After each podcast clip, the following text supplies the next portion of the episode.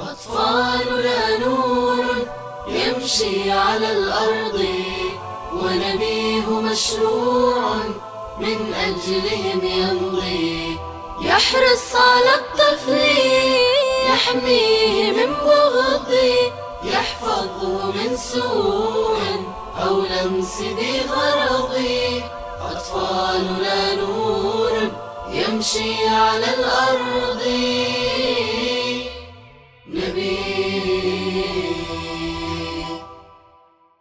حياكم الله جميعا في هذه الحلقة من حلقات برنامج نبيه.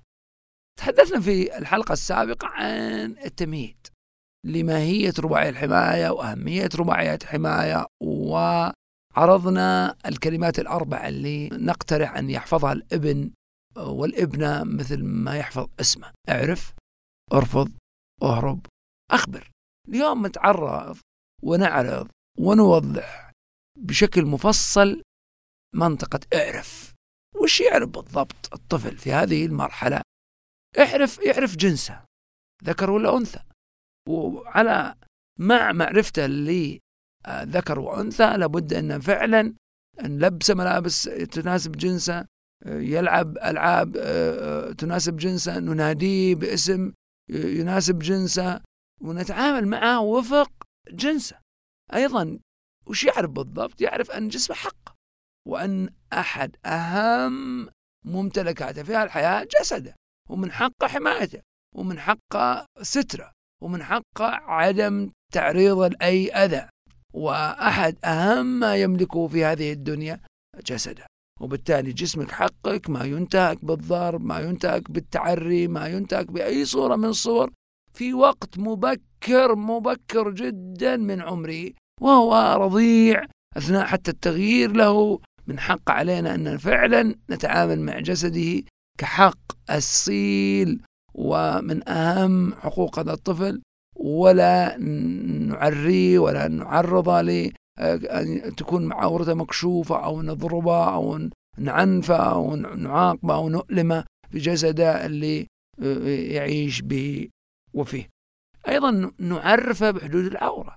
البنات نعرفهم بحدود عورة البنات أمام المحارم أمام الغرباء والذكور أيضا نعرفهم بحدود العورة ونعرفهم حتى العورة عورتين عورة عامة وعورة مغلظة.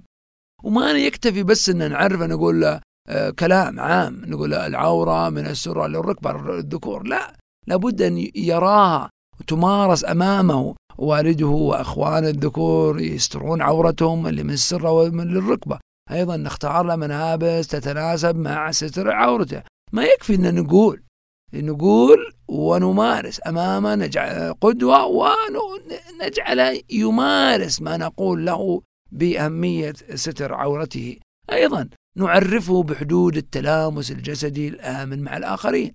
التلامس الجسدي الآمن مع الآخرين من حق الطفل ومن حق كل إنسان أن يتلامس مع الآخرين يصافح الآخرين يعانق الآخرين يحتضن الآخرين يقبل الآخرين. لكن أيضا نعرفه وش معناته التلامس الجسدي وحدوده وأنواع ونطاقه. مثلا مع الغرباء يصافحهم فقط مع من يعرفهم؟ مثلا في المدرسة معلم نادي رياضي من الممكن يلامس كتفه تربيتا أو يلامس رأسه مسحا ولطفا ودفئا وقربا. لكن مثلا أبوه ممكن يضمه ويحتضنه. أمه وأبوه وبعض أخوانه وأخوانه يقبلونه. إذا نعرف حدود التلامس الجسدي الآمن مع الآخرين ونوضح لها الآخرين. دوائر الدار الأولى آخرين أسرته أفراد أسرته الآخرين معاه من المحيط الاجتماعي في الأقارب في الجيران في المدرسة في المسجد. وممكن ونعرف أيضا بالغرباء الغرباء اللي ممكن حتى يكون من حقه حتى أن ما يتلامس معهم حتى لو بالمصافحة. إذا كان غريبا لا يعرفه ولا بينه وبينه وبينه أي معرفة أو أي صلة أو أي احتكاك. نعرفه إذا بحدود التلامس الجسدي الآمن مع الآخرين لكن لازم أيضا نوضح له دوائر الآخرين. أن الآخرين هذولي مو في صنف واحد أو نم... صورة واحدة آخرين أسرته آخرين أقاربه ومعارفه آخرين من يعرفهم يحتك معهم في المدرسة في المسجد في النادي الرياضي وآخرين غرباء بالكامل. آه، ونعرفه أيضا ما يعرفه في المرحلة ماهية الخلوة. آه، كثيرا ما يرتبط مفهوم الخلوة بأن اختلاء الرجل بامرأة بعيدا عن أنظار الآخرين ولا بد أن نعرف الطفل غير البالغ بأن من حقه أن لا يختلي بأي أحد. ولما تختلي بالآخرين؟ ممكن تختلي بأمك بأبوك لكن ليش تختلي بأحد؟ ما في داعي لأنك تختلي به.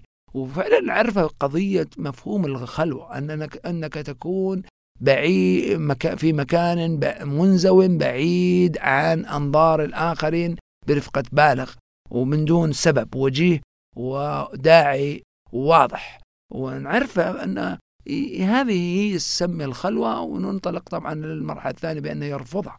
ثم نعرفه أيضا بالأماكن المسموح له والممنوع عليه الدخول وأن الأماكن ذات ثلاث آه، صفات. المكان الأول مسموح له مطلقا أنه يدخله غرفته آه، حمامة تكرمون الصالة المنزل المطبخ هذا مسموح بالمطلق.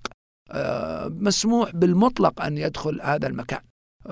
لكن في أماكن حتى في المنزل نحددها له. مثلا غرفة الأب والأم مسموح لكن قبل ذلك يجب عليه أن يستأذن. غرف أخوانه الكبار مسموح لكن يجب عليه أن يستأذن. الدورات المياه. نعرف أن في دورات مياه خاصة حقتك وفي دورات مياه آخرين. المدرسة أو دورة المياه المسجد هذه مختلفة تماما.